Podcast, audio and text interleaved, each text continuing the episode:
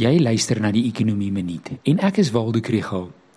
Hierdie week lê die minister van Finansies die mediumtermyn begrotingsbeleidsraamwerk aan die parlement voor. Dit is ook bekend as die mini-begroting en daar is 'n hele paar belangrike dinge waaroor ek graag wil gesels. Die eerste is om te onthou wat die mini-begroting is en nie is nie. Dit is hoofsaaklik 'n opdatering van die regering se 3 jaar rollende begrotingsraamwerk. Die minister gee terugvoer oor hoe besteding en belastinginvordering vorder. Hy sê of hulle nog op koers is met die uitvoering van fiskale beleid. Hy kan nuwe fondse toeken vir besteding in hierdie finansiële jaar, maar hy kan nie enige belastingvoorstelle maak nie. Die grootste deel van wat hy gewoonlik sê, het betrekking op volgende jaar se begroting. Die beleid waarmee hulle nog op koers moet wees, is fiskale konsolidasie. So onlangs as 2020 het die destydse minister Mboweni gewaarsku van die gaping tussen groeiende besteding en belastinginkomste en die gevare van 'n sogenaamde fiskale afgrond.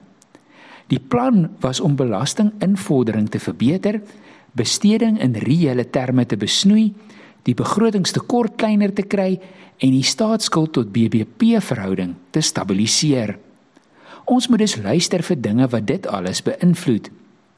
Ons weet daar is weer meer belasting ingevorder as waarvoor begroot is en dit help aan die inkomste kant.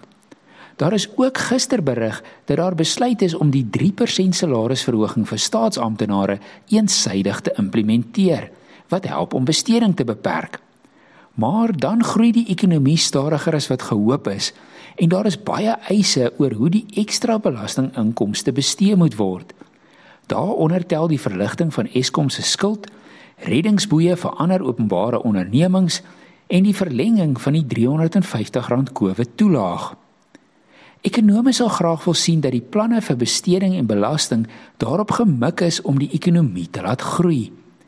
Hoewel die minister ook in Hebreë gaan praat oor ekonomiese beleid, moet ons wel onthou dat baie van die ander dinge wat nodig is om beleggersvertroue te herstel en die ekonomie te laat groei, buite die raamwerk van fiskale beleid val. Die begroting en die tesourie werk met besteding en belasting. Maar deregulering, arbeidsmarkhervorming en die stryd teen korrupsie moet ook gebeur. En dit is op die president en ander ministers se tafels.